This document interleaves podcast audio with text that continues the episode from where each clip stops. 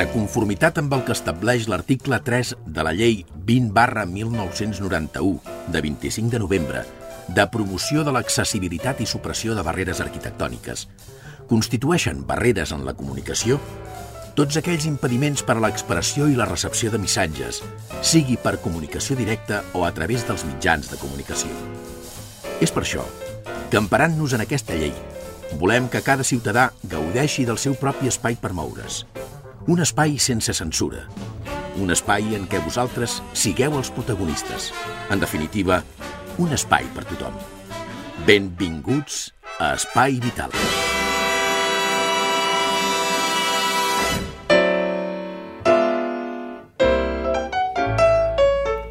Senyores i senyors, què tal, com estan? Benvinguts, ben trobats, un dia més, a una setmana més. És l'Espai Vital. Amb la companyia i la producció de Maria López. Hola, bon dia, Maria. Hola, bon dia, què tal? I amb el Jordi Puy, el control tècnic. Avui no ens perdeu d'oïda perquè tenim temes molt, molt interessants. Tot això amb 3, 2 o 1. Comencem. Estàs escoltant Espai Vital. I des de Ripollet, Cerdanyola, Montcada, Barberà, Santa Perpètua i Sabadell. A tots ells, benvinguts, ben trobats a l'Espai Vital. Avui tenim un tema, mmm, jo penso que molt interessant i que està en boca de, de, de molta gent. És un problema eh, habitual a la societat d'avui en dia. Hi ha ludopatia, eh, hi ha també eh, l'alcoholisme, que és aquest el cas que avui volem parlar, no és així, Maria? Sí, avui tenim a la Maria Ramajo, que és la representant del grup Alanon, que és un grup bastant important que porta molts anys treballant aquest tema, fent prevenció, ajuda als familiars i bueno, jo crec que la Maria ens explicarà més en detall tots els temes que ells porten i com col·laboren, a més remarcar que és una organització sense ànim de lucre, que ja tothom col·labora per voluntat pròpia i a més en, van començar ajudant familiars a familiars i alcohòlics recuperats, que no sé quin nom vosaltres li diu exactament, eh, a, i ens ho explicarà millor ella. Vinga, Maria, que té moltes ganes de parlar la Maria. Maria, bon, bon dia. Hola, buenos días. Gracias por haberme invitado, por la cobertura que me dais. Es un placer estar aquí con vosotros, lo bien que tratáis a las personas. Bueno. Y bueno, ahora ya empiezo diciendo que Alanón es una hermandad de parientes y amigos de alcohólicos que comparten fortaleza y esperanza con el fin de encontrar solución a su problema común. Alanón no está aliado con ninguna secta, ni religión, entidad política, organización, institución. No toma parte en controversias y no apoya ni combate ninguna causa. No existe cuota alguna para hacerse miembro. Alanón es una hermandad sin ánimo de lucro que nada más teniendo un pariente o un familiar con problemas de alcoholismo puedes acudir. Eh, me llamo María y soy miembro de Alanón. Gracias. Muy bien, María. Pues ahora, en palabras llanas, eh, cualquier persona que tenga problemas con el alcohol tiene que venir a Alanón. Dímelo. A ver, cualquier persona que esté afectada por el problema de la forma de beber de otra persona puede venir a Alanón. Luego hay un grupo para... Es decir, que no es directamente con, con la persona enferma, sino con los familiares de la persona enferma. Es que los familiares estamos tan enfermos o más porque hemos contraído la enfermedad psicológica, no física, pero sí psicológica, a través de haber vivido o, conocer o tener un pariente que tenga el problema de que bebe excesivamente y es, y es adicto al alcoholismo. Muy bien, eh, las personas con problemas de alcoholismo eh, se les ve físicamente que, que no están en, en sus cabales, pero exactamente la persona con la familia, ¿cómo se comporta? A ver, el, el alcoholismo es una enfermedad realmente un poco mmm, diferenciada de otras enfermedades, porque el alcohólico tú puedes estar viéndolo por la mañana, que esté, sea una persona normal, que acuda al trabajo, que lleve una vida más o menos normal, como cualquier persona, y luego por la tarde es una persona que cambia distorsionadamente su personalidad y ya pues malamente no puedes hablar con él. O sea, y luego tiene varias características. Unos pues son agresivos, los otros uh, duermen, los otros, mm, no sé, tienen, tienen unas características diferentes de, de, de como cuando ellos se comportan cuando no beben. O sea, mm, es un poco pediagudo vivir con ellos. María, una pregunta. Eh, ¿La familia cuándo acude a vosotros? Quiero decir, mmm, todos hemos conocido casos, o en mi caso yo he conocido casos cercanos, que muchas veces hay una negación a la enfermedad y una negación porque hay un rechazo social muy importante a este tipo de, de enfermedades, porque tal y como tú apuntas, hay personas que aparentemente llevan una vida normal y es en situación familiar o en momentos dados que no todo el mundo lo ve, ¿no? Porque hay diferentes estados en el alcoholismo, hay personas que, no sé si está este tema estudiado, de hay personas menos enganchadas o más enganchadas, ¿no? Eh, entonces, ¿cuándo acude a vosotros la familia y de qué manera? A ver, la familia, mm, unos acuden más pronto y otros más tarde. Normalmente mmm, hay mucha gente, mm, una inmensa mayoría acude a nosotros cuando ya está tan desesperado, que ha ido a psiquiatras, que ha ido a psicólogos, que ha ido a videntes, que ha ido a, yo que sé, a todas las partes donde se pueda ir y no encuentra solución ninguna. Entonces acude a nosotros tan desesperado porque ya no tiene dónde ir. Y entonces nosotros, pues lo que enseñamos es la forma de poder convivir con esta persona, esté bebiendo o haya dejado de beber. Porque la familia es la que realmente se da cuenta de que, de que la vida es ingobernable vivir con una persona alcohólica, sin ayuda emocional de, de, la gente que, que, es como nosotros, ¿no? que estamos ahí para ayudarlos y para, y para, para entender y saber que esto es una enfermedad, que no son viciosos como la gente, por ejemplo, bueno, pues hasta ahora cree, eh, hasta ahora creía.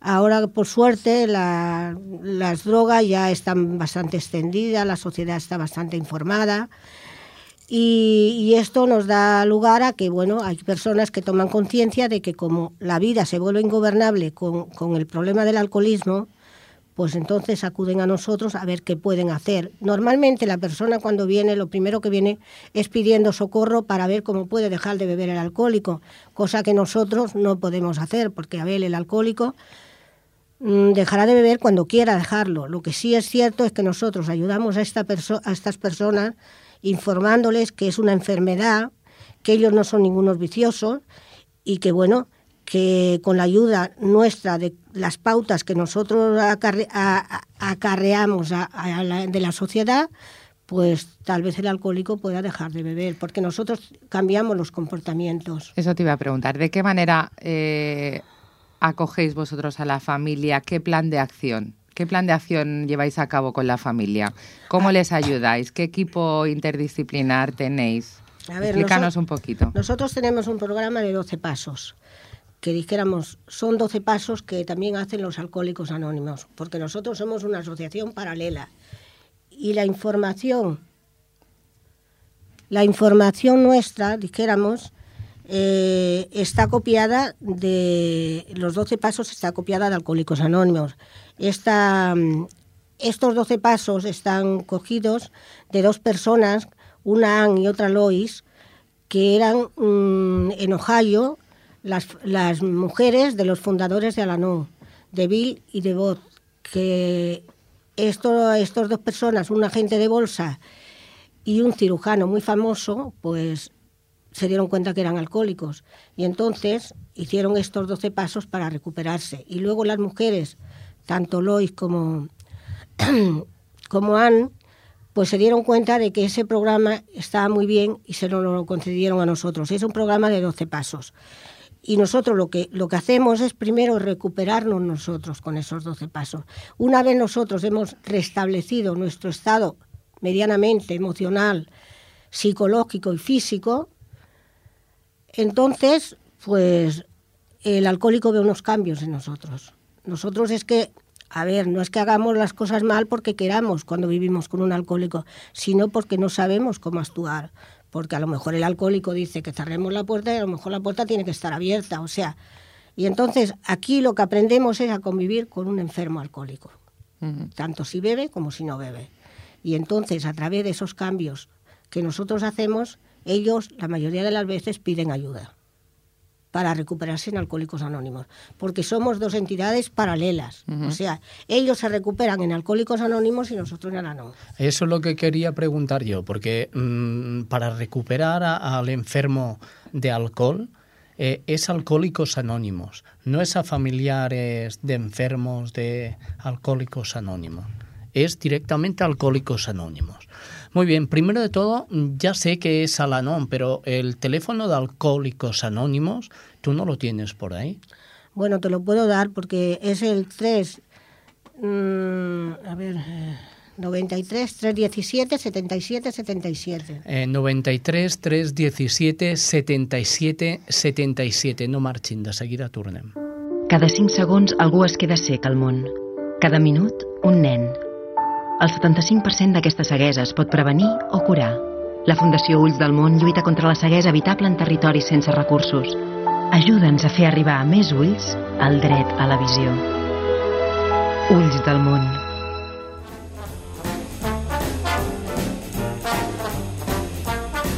Això és Espai Vital.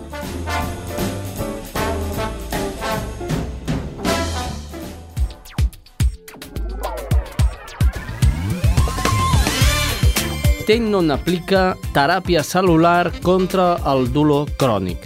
Investigadors de la unitat de teràpia regenerativa tinsular del Centre Mèdic Tennon han constatat l'ús apte de les cèl·lules mare adultes en el tractament de determinades alteracions degeneratives del disc intervertebral.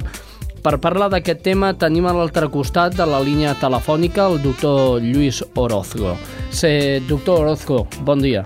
Hola, bon dia, què tal? Molt bé, explica'm una mica de què va això.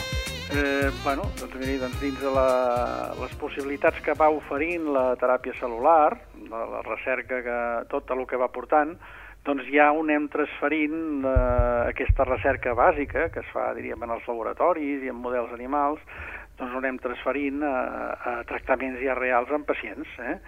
I aquesta és una, una de les aplicacions doncs, que anem explorant i que doncs, anem comprovant doncs, de què és viable i de què és segura i de què, a més, doncs, anem obtinguent resultats. Eh? Són primers passos que, que denoten de que sí, que aquesta és una nova línia doncs, de que, que, que en el futur eh, serà eh, una teràpia probablement doncs, molt, ja molt normalitzada. Mm? Molt bé, sobretot per aquells pacients que eh, en un primer moment els haguessin hagut de fixar la columna vertebral, no? Mm, bueno, diríem, aquesta seria una de les accions que intentem evitar, eh? no, no sempre és evitable, hi ha casos que, evidentment, doncs, això s'haurà de fer igualment, però el que intentem és, sobretot en fases inicials, de pacients amb, amb, amb discos, diríem, intervertebrals que comencen a estar doncs, eh, malmesos i que ja donen uns símptomes i que aquests símptomes són determinats, doncs amb aquests intentem salvar aquests discos a través d'aquesta aplicació celular. Hi ha casos que són molt avançats o que, que evidentment, doncs, aquesta teràpia no és aplicable. Eh? Ah. Digui, digui. No, no, no, dèiem que aproximadament ho dic, perquè quan apareixen aquest tipus de notícies i doncs sempre doncs, hi ha una expectativa no? Que, que no correspon al, al, al, al fet real, tècnic, no? i perquè ens entengui, doncs, de la gent que se'ns dirigeix a nosaltres, probablement és aplicable la tècnica un 20% dels casos. Eh? Un 20%. Ah, probablement sí, uh -huh. més o menys, perquè tinguem idea. Perquè altres casos doncs, ja estan depassats o es refereixen a altres situacions amb la que no és aplicable aquesta tècnica. No? En quina situació ha d'estar un pacient que, que tingui dolor crònic i intervertebral? Mm.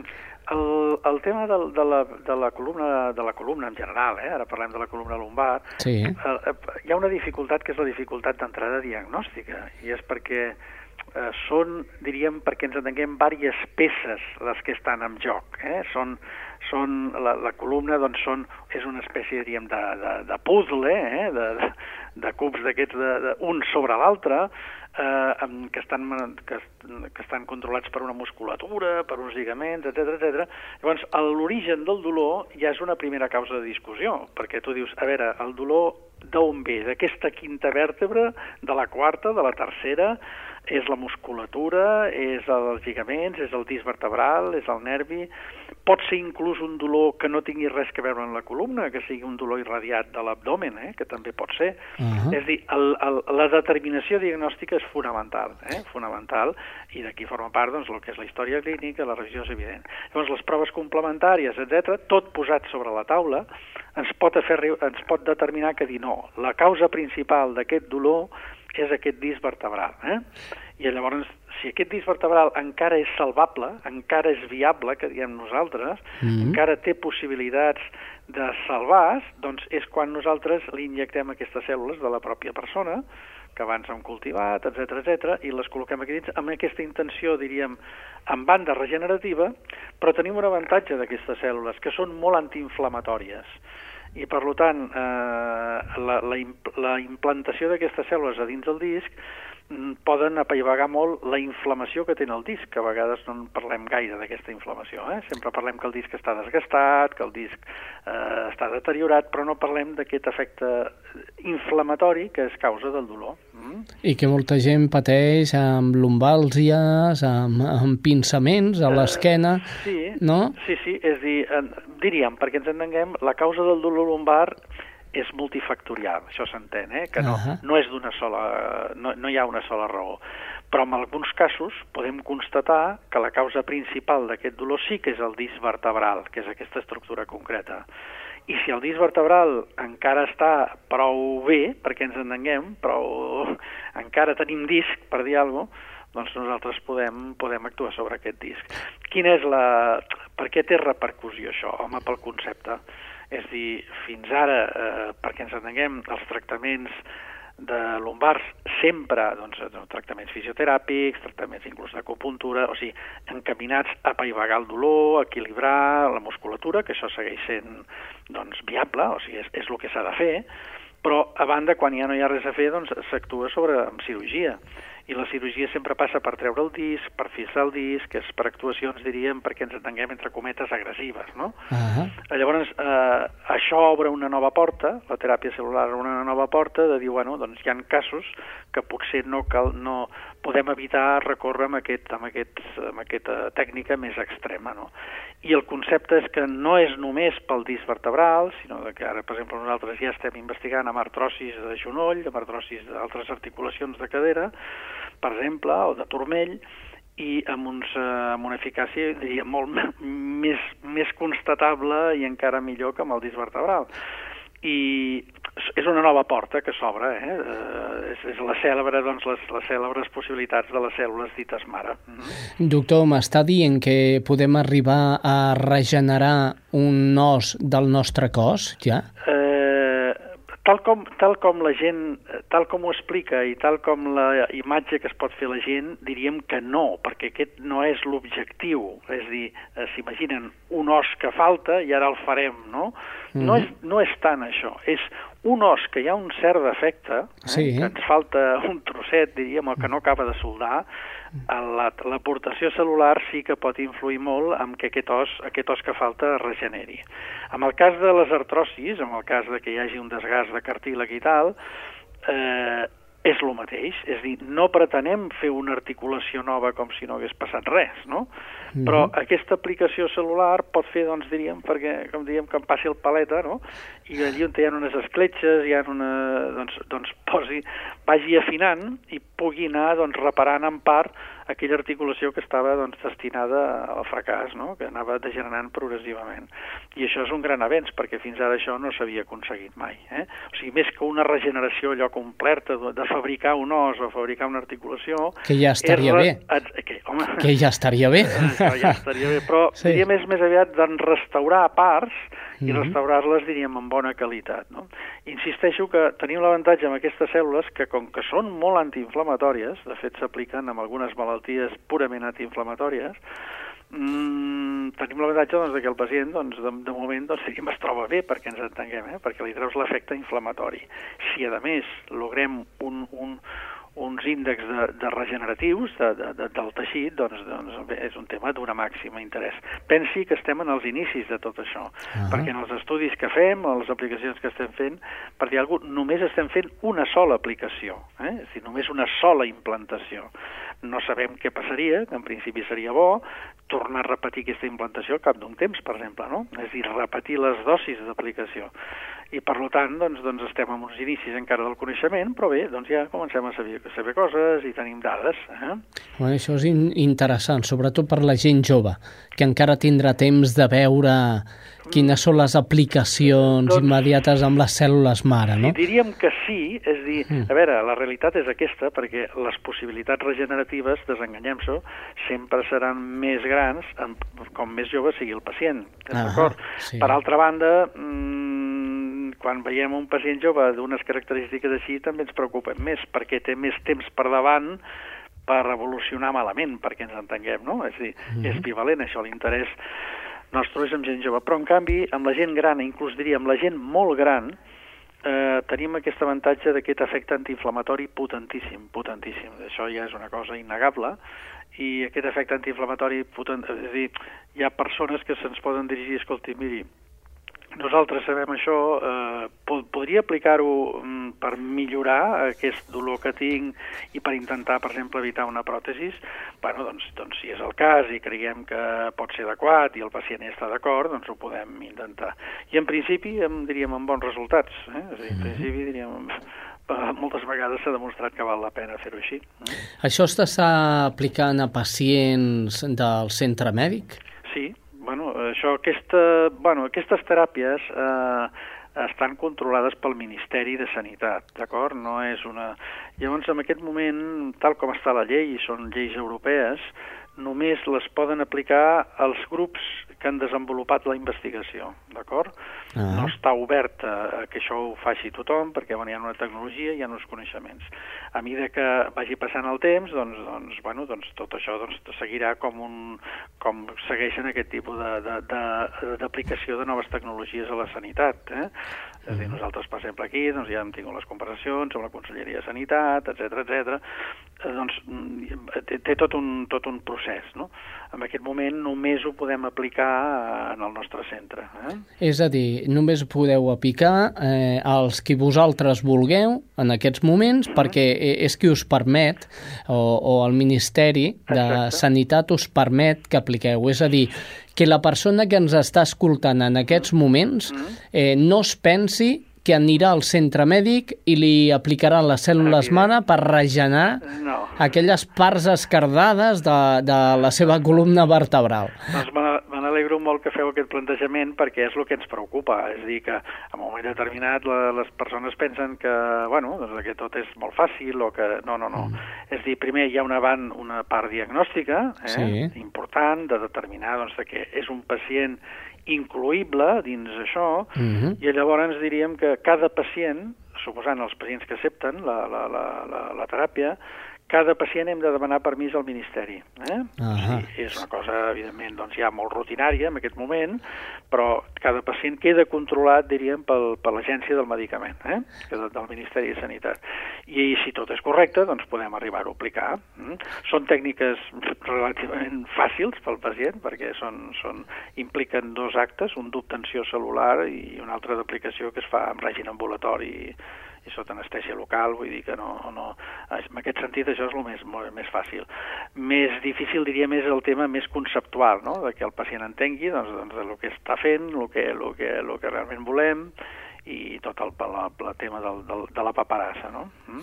Doncs ja ho veieu, uh, avui en dia ja, mm, ja hi ha cèl·lules mare per intentar arreglar la vostra columna, però està en fase encara d'investigació. En quina fase esteu? Bé, eh, és una fase peculiar perquè la, la, eh, el, el mètode científic té, una, té unes línies, diríem. Primer doncs, hi ha una cosa, un, uns estudis conceptuals que es fan in vitro, és a dir, al laboratori, mm -hmm. després no, es passa per la fase animals, hi ha uns estudis amb animals de seguretat, i després hi ha unes fases doncs, amb, pocs, amb pocs pacients que es determina doncs, la seguretat, la, la, la viabilitat de tot el que estem dient, i a més doncs, que trobem indicis d'eficàcia. No? Tot això nosaltres ja ho hem cobert. No? Llavors, en aquest moment, mm, eh, amb el que és teràpia celular i a nivell europeu, el que se'ns demana és en els grups investigadors anar fent aquesta sèrie de pacients, Uh -huh. una continuació de pacients que queden controlats, diríem sempre, sota el control del Ministeri, i llavors quan n'aportem no sabem en aquest moment quin número, és a dir, no sabem, no ho sap ningú, ni, ni les autoritats, però imaginem-se que siguin 80 o 100, Llavors es plantejarà aquesta sèrie, s'estudiarà, mirarem doncs, que tot vagi bé, que no hi hagi cap problema, que tot sigui correcte, i quan doncs, això estigui clar, doncs, doncs aniran obrint, diríem, eh, per, en terme col·loquial, l'aixeta, perquè ens entenguem, perquè altres grups, sempre sota la nostra responsabilitat, doncs vagin doncs, fet la teràpia. No? I seria aquesta una de les línies a, a seguir. No?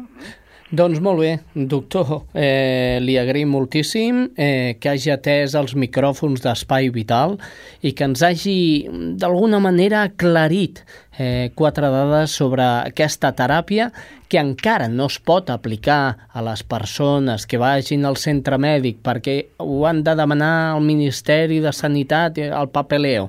Però quant temps eh, pensa vostè que pot trigar perquè això es pugui fer a tothom? Es pot, es pot aplicar, sí que ho estem aplicant. L'únic que has de saber doncs, de que ho apliquem, però sempre una vegada diagnosticades, una vegada revisades i una vegada tingués l'autorització del Ministeri, eh? que és una cosa habitual.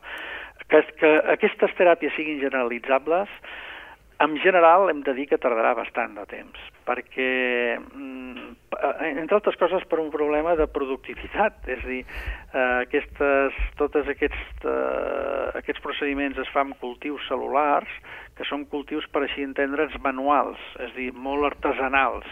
No hi ha màquines que fabriquin cèl·lules. Uh -huh. Les, tot és un procés, eh, hi ha una manipulació de tècniques de laboratori.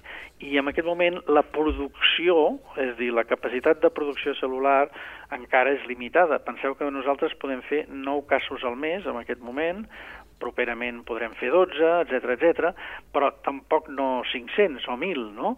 I tampoc, llavors, per tant, per això és una, és una teràpia d'entrada forçosament limitada per la producció, és a dir, d'entrada encara que això estés eh, totalment difós, no es podria, eh? I per tant d'aquí ve aquesta, aquesta, aquestes coses de pas, de pas a pas, de pas a pas, anar-ho fent doncs, d'una manera doncs, doncs, progressivament anar incorporant doncs, més gent a incloure'ls dins d'aquesta teràpia. Eh? Doncs doctor Lluís Orozco, gràcies per tot i bon dia. Molt bé, a vosaltres, gràcies.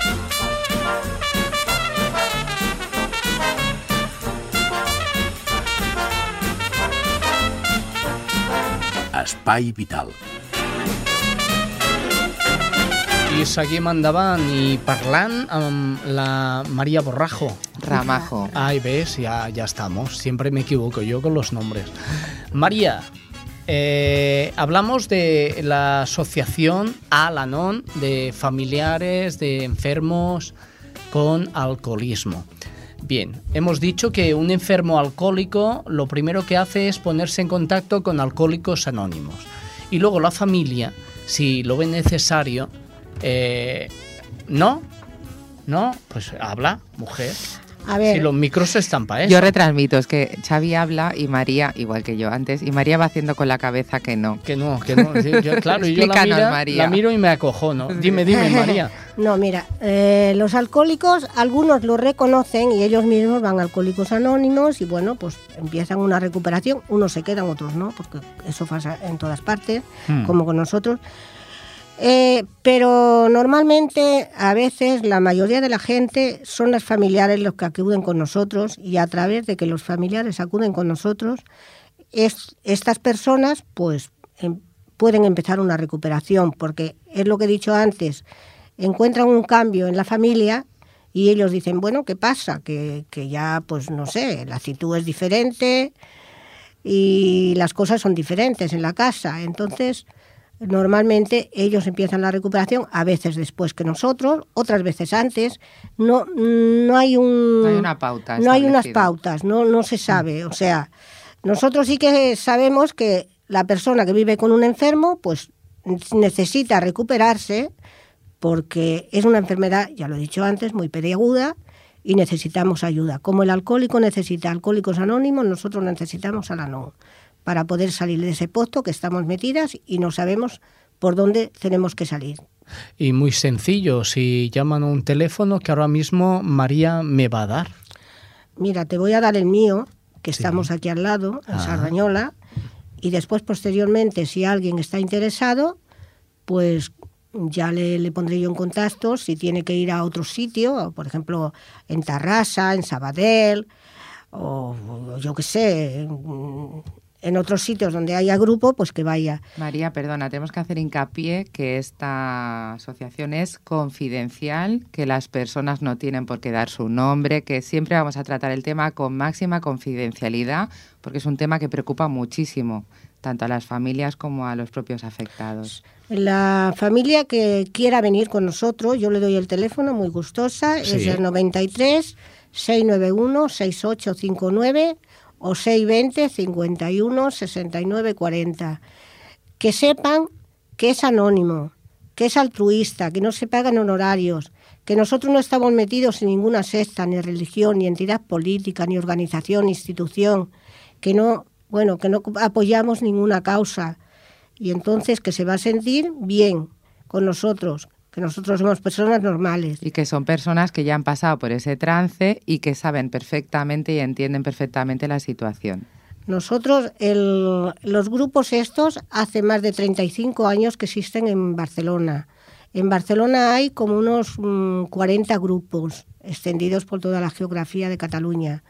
Y entonces, pues el grupo que mejor le vaya, más cerca de su casa, más cercano a ellos, pues pueden asistir. Los van a tratar estupendamente, porque se van a sentir arropados, lo mismo que nosotros nos hemos sentido arropados cuando hemos llegado. Nosotros hacemos esto porque nosotros cuando llega en agradecimiento a la NON, porque nosotros cuando llegamos llegábamos muy desesperados, muy aturdidos, con, con muchísimas carencias y entonces ahí hemos encontrado una paz y un y una, estado. una luz, ¿no? Una Sí. luz al final del túnel. Hemos, hemos encontrado un estado psicológico y un bienestar y una paz interior que antes no la teníamos. Eso es lo que tratamos nosotros.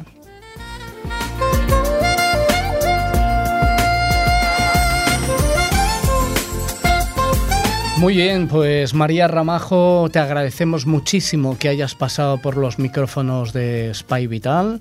Eh, en el blog de Spy Vital ya pondremos toda la información detallada eh, para los teléfonos, el que quiera acceder, que pueda mirar los teléfonos en el blog de Spy Vital. Que ahora os recuerdo, ¿eh? el blog de Spy Vital es radio-spy-vital.blogspot.com. Dime, María. Si alguien quiere asistir en Sardañola, sesionamos los martes de 6 a 8 y está en la calle Francés Lairés 74, de 6 a 8 de la tarde.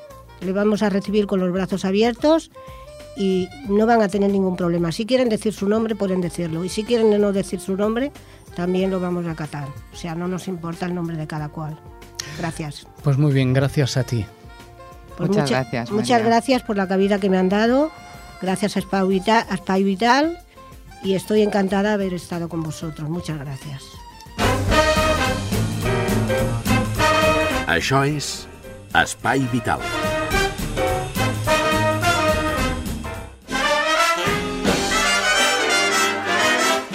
Ja senten, aquesta és la roda informativa per conèixer les últimes novetats sanitàries de les emissores i poblacions coproductores de l'Espai Vital.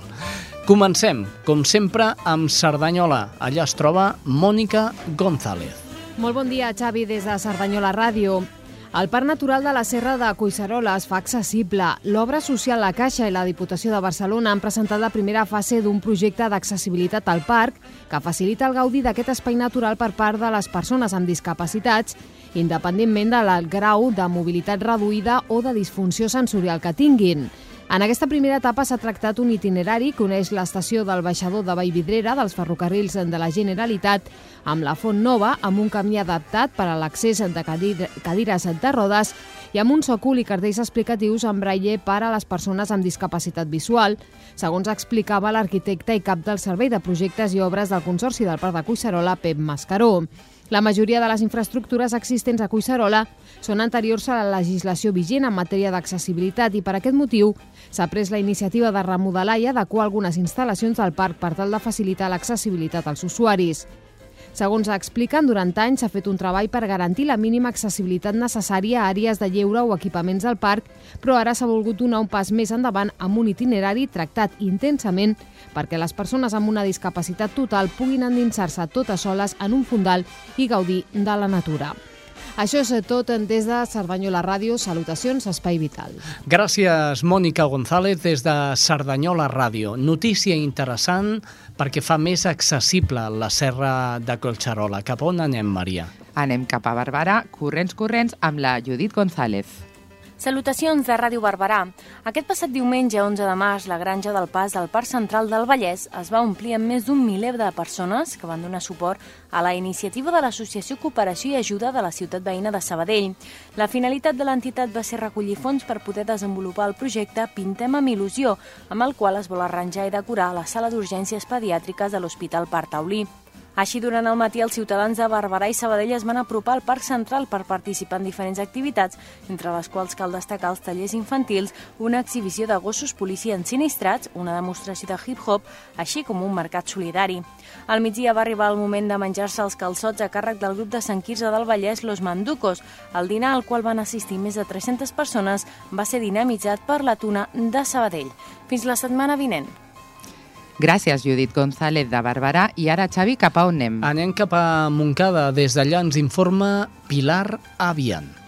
Salutacions des de Montcada i Reixac als oïdors de l'Espai Vital. Avui us volem explicar que l'Ajuntament del nostre municipi ha posat en marxa un servei de taxi nocturn que porta les persones que necessiten visitar-se entre les 12 de la nit i les 8 del matí al Centre d'Urgències i Atenció Primària de Cerdanyola i Ripollet, equipament des de on l'estiu passat han d'anar els usuaris de Montcada i Reixac per ser atesos d'urgències en aquesta franja horària. Tot i que l'objectiu del govern és que tornin a obrir les urgències nocturnes nostre municipi, dins les polítiques de la Generalitat no hi ha aquesta opció i, per tant, s'ha posat en marxa aquest servei per facilitar a la ciutadania que no disposa de vehicle doncs, poder arribar al CUAP.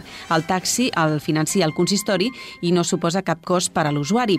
Per utilitzar-lo, els veïns han d'anar a l'Ajuntament i, a la policia, i és la policia local la que truca al servei de radiotaxi Vallès. Per la tornada des del CUAP és l'equip sanitari el que s'encarrega d'avisar de nou al taxi que si s'escau acosta el pacient a la farmàcia farmàcia de Torn de Ripollet o de Cerdanyola abans de tornar-lo novament a l'Ajuntament.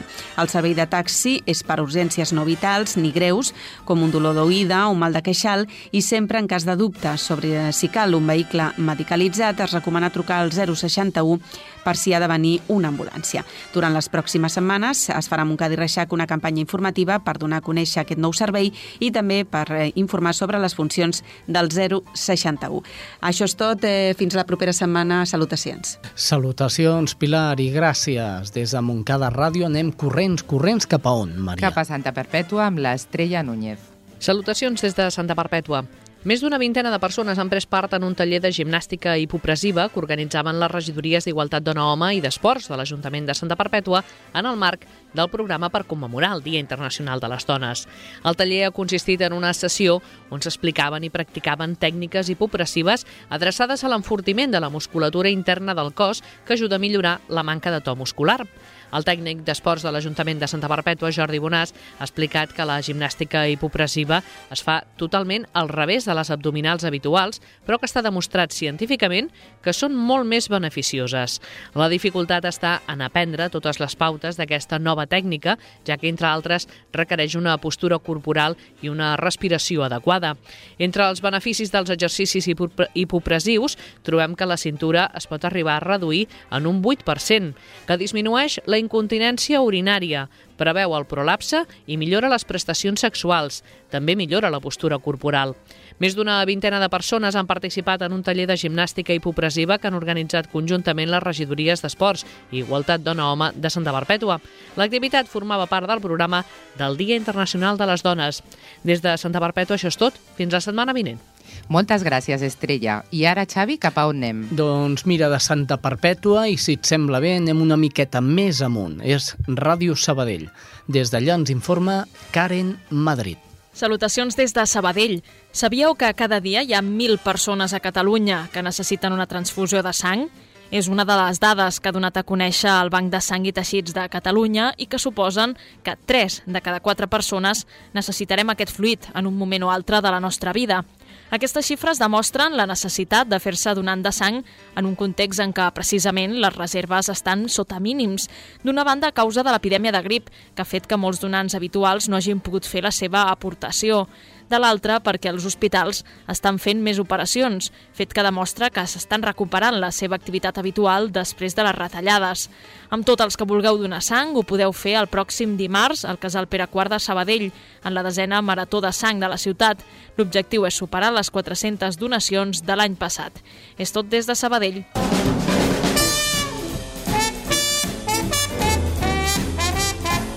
Estàs escoltant Espai Vital. I des de Ripollet, Cerdanyola, Montcada, Barberà, eh, Santa Perpètua i Sabadell.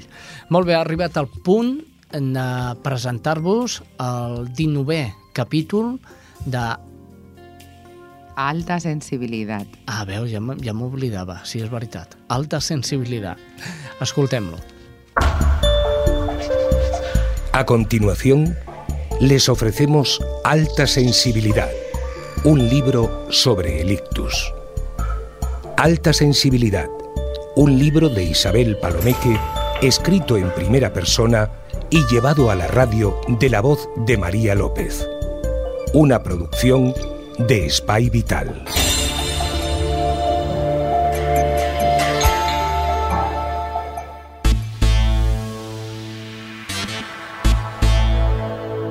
La inagotable búsqueda de soluciones nos condujo hasta la hipoterapia, es decir, terapia médica con caballos. Me encantan los animales, así que cuando surgió la idea me apunté enseguida. En el Instituto Goodman nos habían advertido, no obstante, de que esta vía ya se había probado sin demasiada fortuna en un buen puñado de pacientes. No se oponían a integrar estas sesiones dentro de mi rehabilitación, aun cuando me aconsejaban que no depositara demasiada esperanza. ¿Cómo no hacerlo? Al menos era una opción y toda persona con problemas de salud crónicos y sin un tratamiento específico recibe con los brazos abiertos cualquier hebra de positivismo.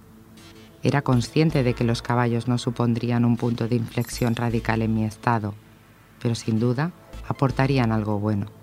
A peor no podíamos ir, ¿verdad? Además, habíamos contactado con otro especialista, el profesor Segarra, catedrático de fisioterapia de la Universidad Pompeu Fabra, el cual confiaba en este tipo de asistencia e incluso se había ofrecido acompañarme y hacerme de instructor para extraer todos los beneficios posibles.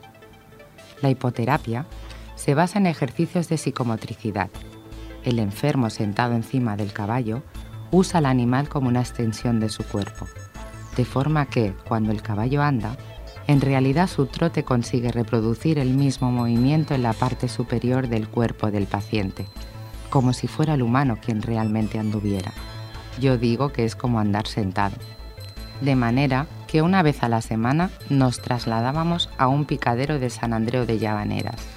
Allí conocí a Dolly, una yegua bastante arisca, que no ponía la misma ilusión que yo en mi recuperación. El primer día me acerqué con cariño al animal, calmándola y explicándole que pensaba montarla y pasear con ella. Aún así, mi tono de voz le debía de parecer torpe, porque me dio algunos problemas para realizar los ejercicios programados. Montar a Dolly era un estímulo de gigante para toda la musculatura del cuerpo. La tensión en las piernas, en la espalda, la postura firme del coxis. Acababa agotada y al volver hacía siestas de horas y horas. Mis sesiones de hipoterapia formaban parte de un estudio que dirigía el profesor Segarra, quien iba regulando los diferentes ejercicios y especialmente mis movimientos, con la idea de no hacer más mal que bien a mi cuerpo. Desgraciadamente, un inesperado infarto acabó de golpe con la actividad del profesor, con su proyecto y con mi rehabilitación por este camino. Pese a la corta experiencia, la hipoterapia me devolvió las ganas de hacer deporte, de probar cosas nuevas, aun con mis limitaciones físicas.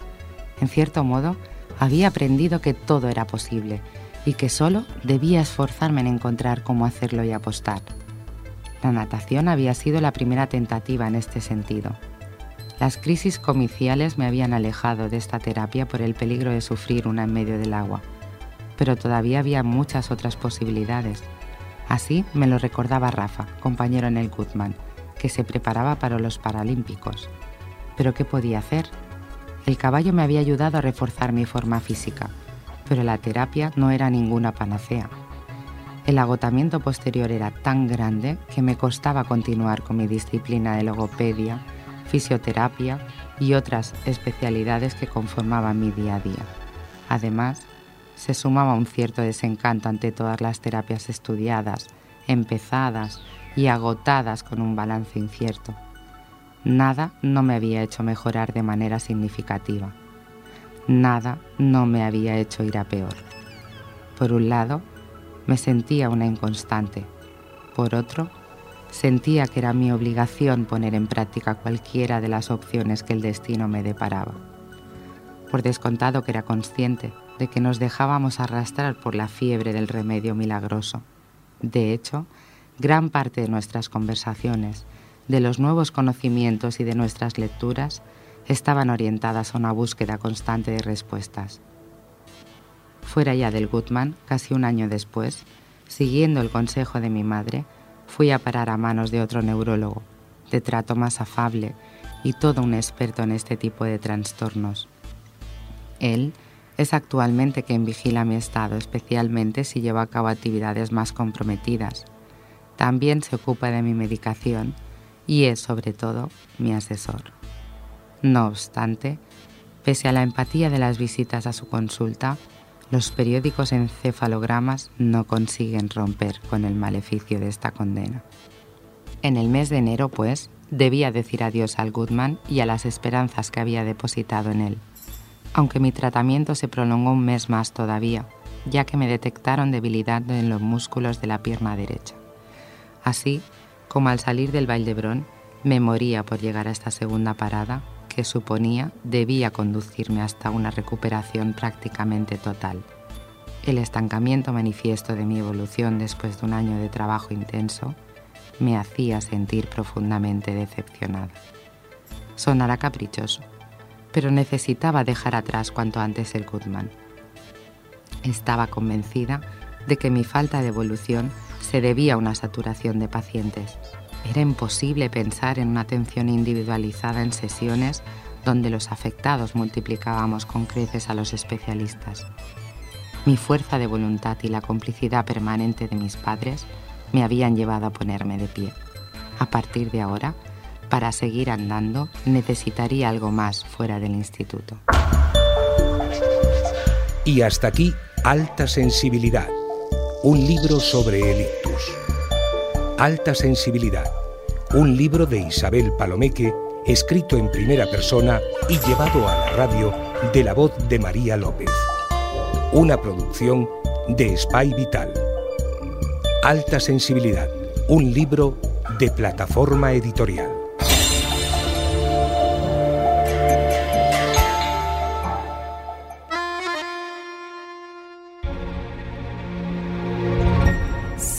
Amb la música de Filipa Sousa volem acabar l'espai vital d'avui. Maria López, gràcies. Gràcies a tu per tenir-te per tenir-me aquí amb vosaltres i amb tu especialment. Eh, quina alegria que em diguis això. En Jordi Puy, gràcies al control tècnic i un servidor que us ha parlat, el Xavi Casas. La setmana vinent no ens falteu, perquè tornarem a estar. Apa, siau. Segue o desejo de chegar para te abraçar.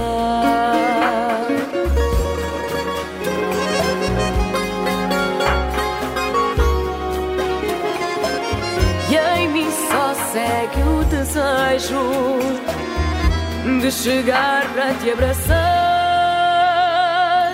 Se fosses luz,